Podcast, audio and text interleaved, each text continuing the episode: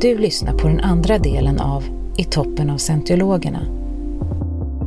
Det här är enda stället i hela universum där man har insett sanningen. Så, och så att det är upp till alla scientologer att rädda världen vår universum.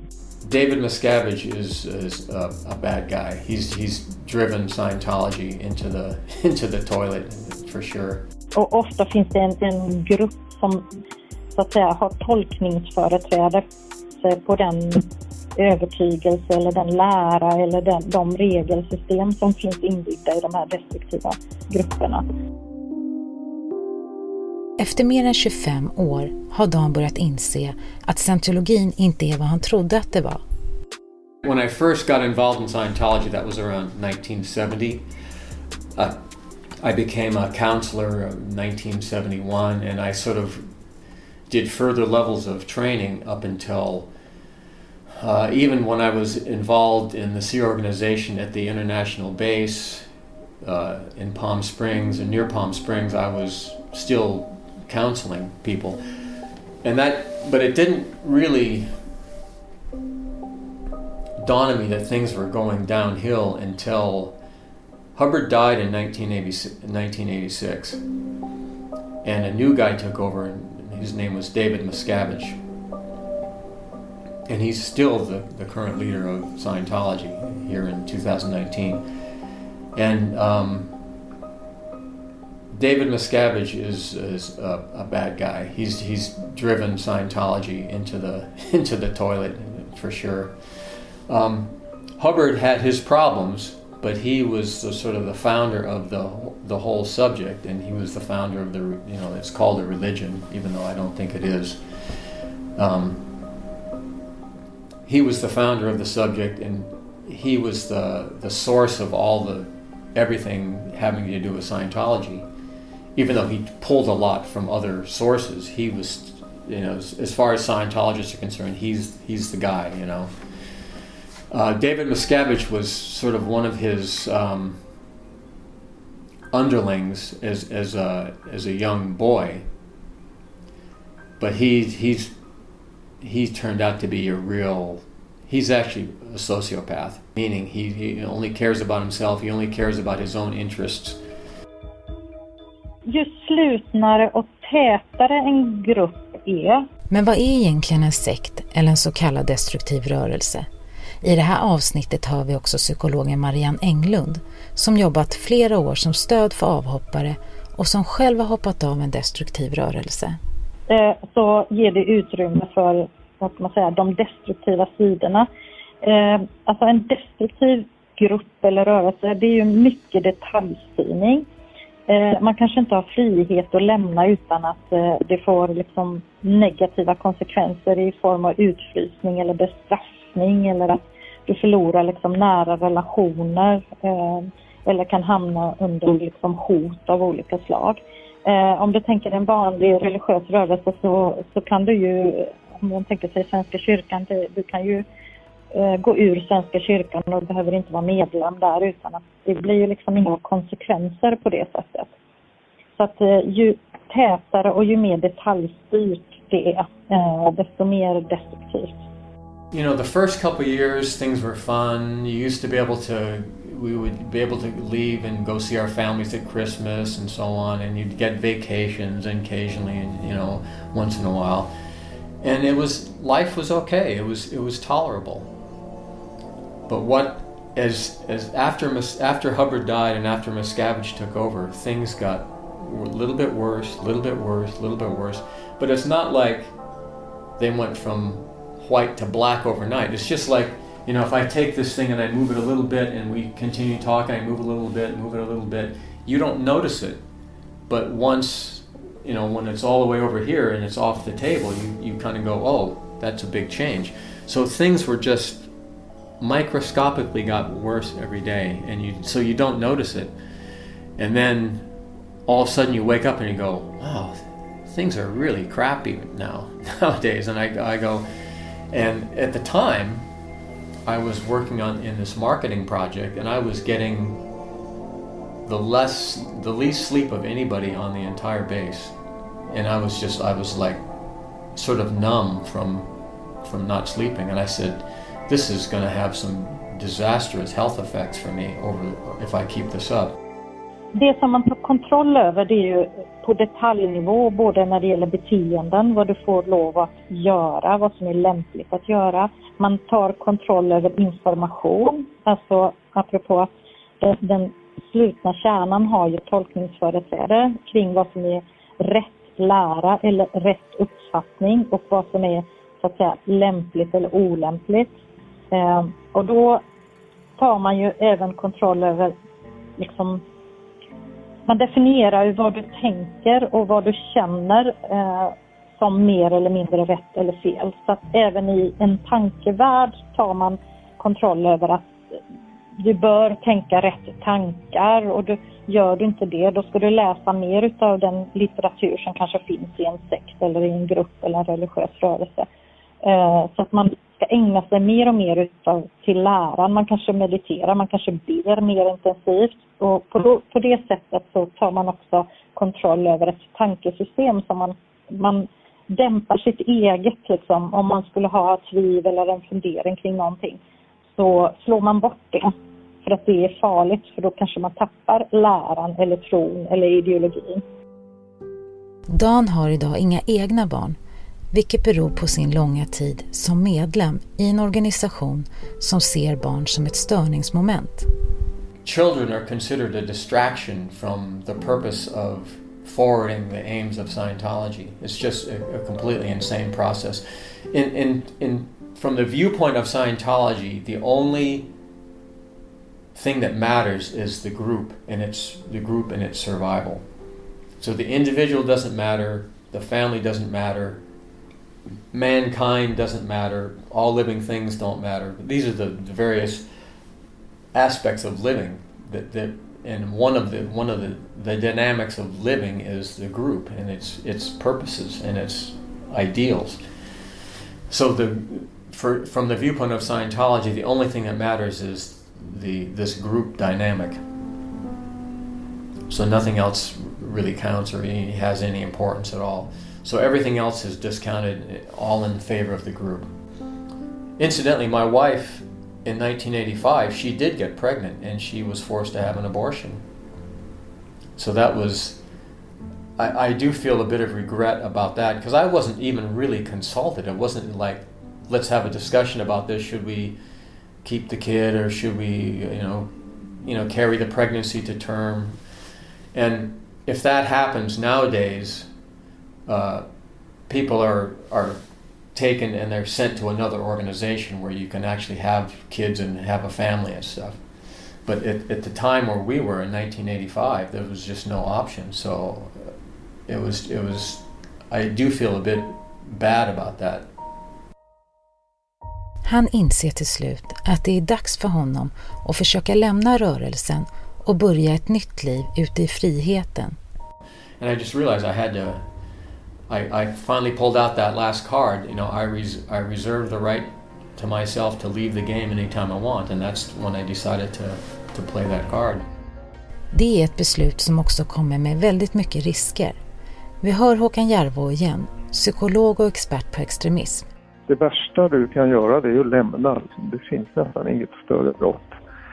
Eh, bland scientologerna så har det finns, alltså mördare och våldtäktsmän hamnar högre upp än vad avhoppare gör på något slags, när man ska gradera folks värde liksom. Längst ner så är avhoppare och de får man absolut inte ha kontakt med och de är liksom avskum och det gäller ju även familjemedlemmar liksom.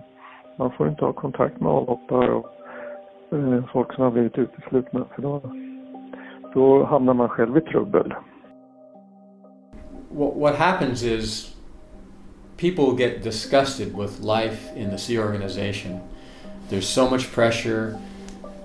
The worst thing for me and for a lot of people is there's the lack of sleep. You're always hounded. You know, you must do more work more. You must produce more. You must keep going, keep going, keep going. You don't get days off ever, hardly. And um, it just becomes too much for people, and so they, they escape. And that's what I did. I mean, you couldn't talk to anyone about your just your just your uh, your disagreements with the organization because you would then get reported on, and so I had to just sort of escape on my own. My own personal survival was sort of seemed to if, at the time I felt it was at risk. This was like near the end of 2003, so I'd been there for 26 years, and I, I, things had gotten slowly and slowly and slowly worse and worse and worse and worse and worse. And by that time, uh, in the fall of 2003, things were just getting more and more and more insane. There was uh, I can't I can't I don't even I can't even really go into it, but I realized that um, if I wanted to remain sane, I needed to, to do something drastic. And as as things got worse and worse and worse and worse, I, I always I you know, you were sort of forced to conform. You were forced to go along with the party line. And I said, okay, I'll I'll do this and I'll I'll suffer these indignities, but the one thing that I will never give up is my right to leave this game whenever I choose to on my own terms. So I always held on to that. And right around Christmas uh, of 2003, things were just getting just getting so bad. It was just just terrible. I was actually um, working on a, a, a, project in the marketing division to um, to market all market all Hubbard's books and lectures. He wrote dozens and dozens of books and he made thousands of lectures. And there was a massive project to get all these things re uh, relaunched to the public so they could buy them and listen to them and learn from them. Um, so I, I figured, well, you know, I've got to I've got to get out of here. I just can't can't put up with this anymore. And the night before I I escaped, I had stayed up with a couple other people preparing a submission of uh, of lectures and you know advising like this is my suggestion for what lectures should be included in, in this package of lectures and so on. And I stayed up all night, went home, uh, tried to went home at about six o'clock in the morning, tried to sleep for a couple hours, couldn't sleep because I was having cramps in my legs, and it's just it was just just a miserable night. So I didn't get any sleep. Um, but what happened was that was a day that was um, on a Sunday, and Christmas was like three days later, and we were given a couple of hours to go to town and buy Christmas presents for our parents or our families, which of course would never arrive in time because of the whole mail situation. So I, did, I took that time to uh, get up, um, get on my bicycle, and escape. I just I just rode off into town, and I went one direction. Then I decided to go another direction, and I just on my bicycle I just took off. A lot of people have had these very dramatic escapes, but I I I think this is the easiest escape that I've ever heard of anyone anyone uh, pulling off. So I just literally got on my bicycle and rode off. Rode out of the apartments where we were staying in town and just rode off. Med Hedvigs hemförsäkring är du skyddad från golv till tak oavsett om det gäller större skador eller mindre olyckor. Digital försäkring med personlig service, smidig hjälp och alltid utan bindningstid. Skaffa Hedvig så hjälper vi dig att säga upp din gamla försäkring. Hedvig Hemförsäkring, ett klick bort.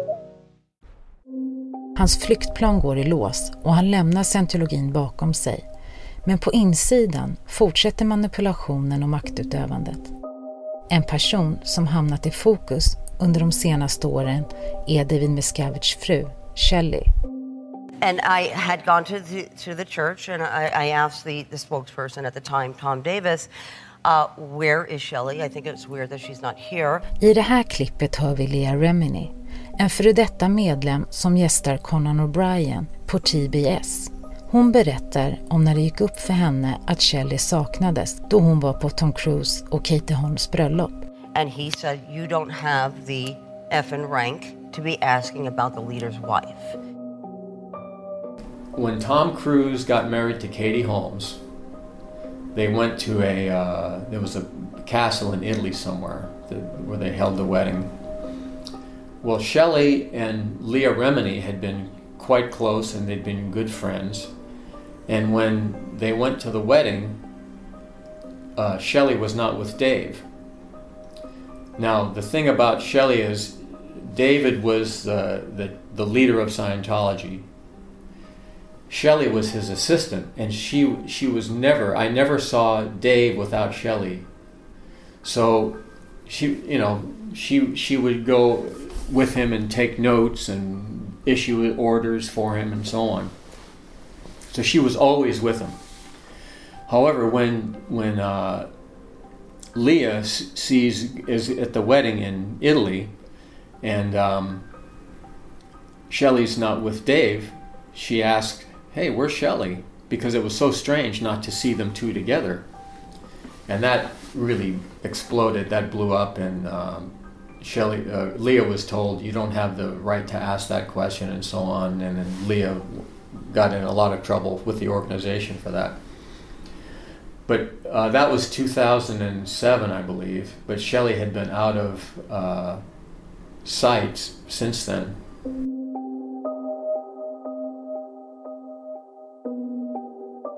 Hon hade väl misskött sig på något sätt eller han har liksom placerat henne eh, någonstans.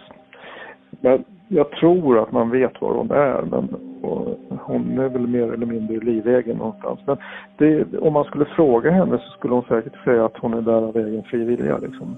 Det, det, det är det som är lurigt med att prata med folk som är med i sådana här rörelser. De, de skulle aldrig... Det är ju en lojalitetsfråga. Va?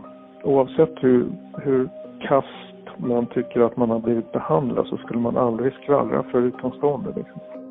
Men håller hon sig verkligen borta av fri vilja? Dan har en annan teori. Uh, David Miscavige would spend time, he would go to various locations in the Scientology world, Los Angeles or Clearwater or St. Hill in England, in various places. So he one time he was down in um, Los Angeles and at the time, what was going on at the time in the organization was there was a sort of a whole reorganization of who was going to hold what position in the organization. And it was a complete mess. that had been going on for a couple years. Nothing had been straightened out.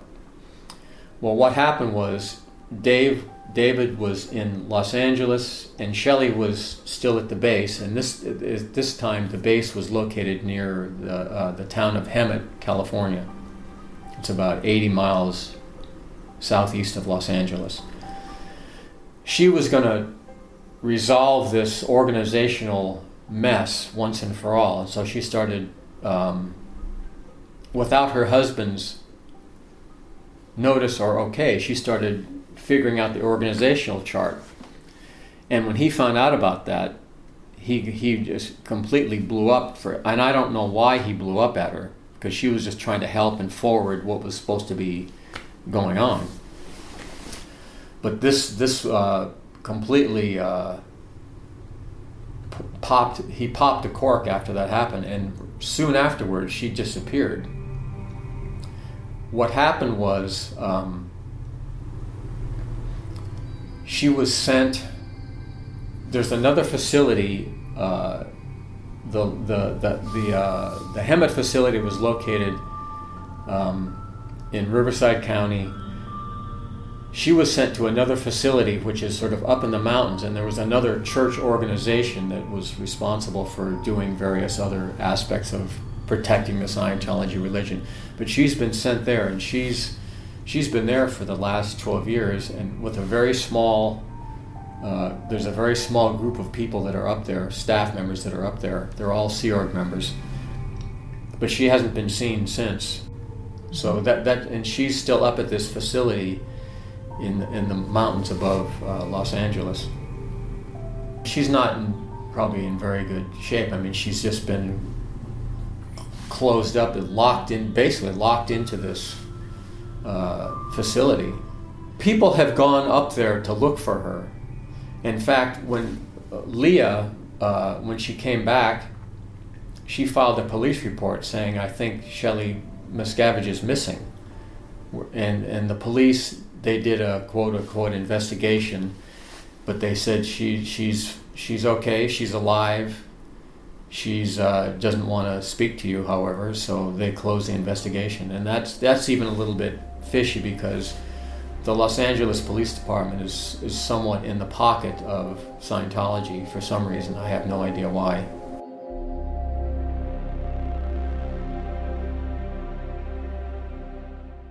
Vad som verkligen har hänt David Miscaviges fru verkar alltså vara en gåta. Men vad man vet och som tidigare medlemmar vittnat om är den utpressning som man utsätts för efter att man har lämnat scientologerna. So, according to Scientology, when when you're in an auditing session, everything that you say is protected by is called priest penitent privilege, and that means that uh, your secrets cannot be divulged and used against you. However, the Church of Scientology has a very vicious practice. If, if, you, if you leave Scientology and you speak out against it, they will go into your counseling folder because everything you do in a counseling session is written down by the, by the auditor, and that's all preserved. And if you leave Scientology and you speak out, they will go through your, your folders and they will find discreditable things you've done. They'll they'll find uh, sins you've committed, if you want to call it that, and they'll expose them and they'll use them against you. So it's a really despicable, disgusting practice.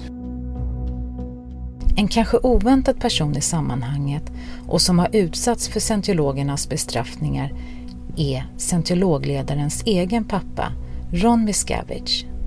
Ron himself was forced to escape with his wife and he escaped in 2012. And uh, he said he he had. There's a policy in Scientology called disconnection. You might you might have heard of that. I don't know, but um, the Jehovah's Witnesses have something similar called shunning, and I think the Amish in America have something similar called shunning. But what disconnection is is if you leave the church and you speak out against the, some of the abuses that you are subject to, they force all your family members, your employer, any of your friends to actually cut all communication with you. And it's called disconnection. And what happens if, if the person, if a family member decides not to disconnect from you, they will be subject to the same punishment as you have been subject to, meaning all their friends, all their family will be forced to disconnect from them. So it's this escalating, escalating uh, cycle of just horrific uh, pressure on, on people. And this is this is probably the most disgusting practice that uh, that Scientology uses, and but they use it as leverage to, to retain their hold over people. So, what happened was after Ron escaped, he had been in touch with his uh, two daughters. He, he, has, he had four children. He has a son, David, who's running the church, another son, Ronnie, who had left the church and was living in Virginia, and two daughters, uh, Lori and Denise, who live in um, Clearwater, Florida, where the big Scientology headquarters are. Well, what happened was after um, Ron escaped, he established, reestablished his contact with his daughters, and they were stalking every day, and they were just getting along great. Well, David started putting pressure on his daughters, his sisters, to stop communicating with Ron. And eventually, they stopped communicating with him. So basically, they disconnected from their own father. And that that Ron, that was that was uh, a bridge too far for Ron. He said, "I've got to do something about this." So he and his wife they drove down to Florida to talk to their daughters, and what happened was neither of the daughters would speak to him. They wouldn't see him. They wouldn't even come to the door and, and say, "No, I'm not going to speak to you." They, they, one of the daughters let her husband come and talk to him. And Ron said, at that point, "Screw it! I've got to do something. I've got to write a book. I've got to expose what the church is doing to families because they've, they've broken up not only the father of the leader of Scientology's family, they've destroyed many, many, many families, and they do this with this through this policy of disconnection. Like I said, Scientology is a very, very vindictive organization. If you if you deliver the slightest criticism, they'll go after you with everything they have. I feel I've had it easier than a lot of people, and I don't know why that is. Um, that's not that I didn't suffer my own indignities over the course of my 26 years, but I, I just I don't hold a lot of bitterness about all that because these were my own decisions, and I think if you, if you can sort of realize that you're the one who chose this life, you, you can be more or less okay with it, at least if it's not painful. And it's not that, and it's not that everything was terrible. I met so many great people. I worked with so many competent people, so many talented people. Um, I had so many good experiences in Scientology through the, the, the, counseling techniques and so on. A lot of that was before I joined the Sea organization, admittedly, I, I admit that. But before then, I had so many great experiences, and I, like I say, in, in the Sea organization itself, I met so many great people, and a lot of people I'm still friends with because many people have left the organization now because it's they just couldn't stand it anymore, and it wasn't under David Miscavige's leadership. The organization has sort of transformed into a, a very basically just a sort of a money grubbing organization that wants to control people. And before then it was, it was something quite different. Du har precis lyssnat på andra delen av I toppen av scientologerna i nästa avsnitt av Dokumentära berättelser. Och så ser jag genom köksfönstret två polisklädda män som står där. Och då tänker jag ju direkt, ja men de letar efter Jojje. Så jag går ut dit och så stänger jag dörren för jag tänker att ingen hemma skulle behöva höra liksom om när sitt barns drogmissbruk eskalerar